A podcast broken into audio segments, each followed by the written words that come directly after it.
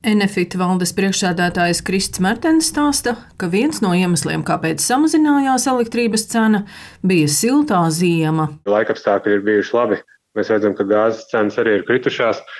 Un um, mēs redzam, ka arī Somijā kodolelektrostacija šobrīd sākus strādāt, kas vēl vairāk pozitīvi atspaidojās uz elektroenerģijas cenām, proti viņām uh, samazinoties. Šobrīd uh, iestājies vasaras periods un aktīvi tiek saražota elektroenerģija no saules paneļiem, kas atainojās arī elektroenerģijas cenās. Norpūles pot biržā dienas stundās atsevišķās elektroenerģijas cena ir manāmi zemāka nekā tā ir no rītiem, agriem un vakariem.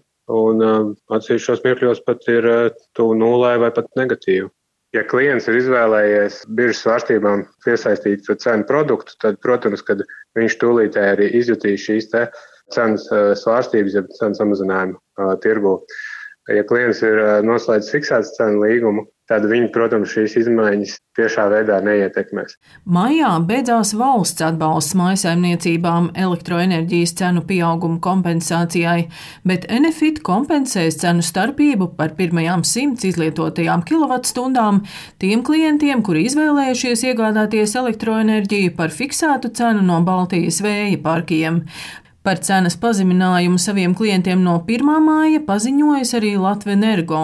Stāsta uzņēmuma enerģijas produktu daļas vadītājs Artis Raukaitis. Lielākajai daļai klientu, kuriem tas pēc līguma nosacījumiem fiksētas cenas eh, ir bijis iespējams, mēs esam cenu pārskatījuši. Tas cenas samazinājums ir bijis eh, līdz pat 20% elektroenerģijai par šīm pirmajām 100 kWh iestājoties ziemai augstākam periodam, pieprasījums pieaug. Iespējams, kaut kur samazinās arī eh, ražošanas jaudas no šiem atjaunojumiem resursiem, piemēram, saules stacijām, jo, jo saule pamatā ražo vasarā, nu, kā zināms.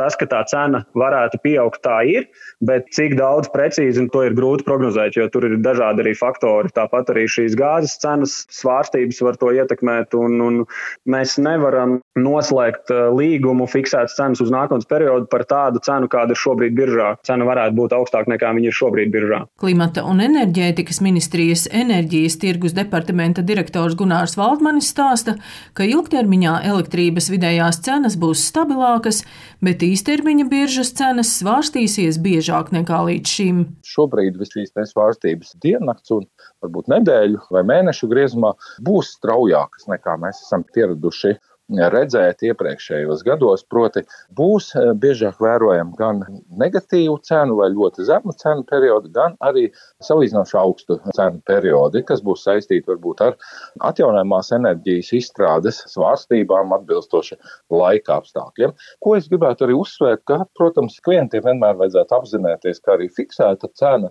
pat ja tā ir nedaudz augstāka, tā joprojām ir nozīmīgs ekonomiskais iegūms, jo šajā pakalpojumā ir ietverta arī, nu, varētu teikt, zināma apdrošināšanas prēmija, tātad garantija par to, ka šī cena saglabāsies stabila ilgāku laiku un ka klientam nebūs kādu laiku jāuztraucās par šīm cenu svārstībām, un tātad tirgotājs uzņemsies daļu no cenu svārstību riska jau uz saviem pleciem.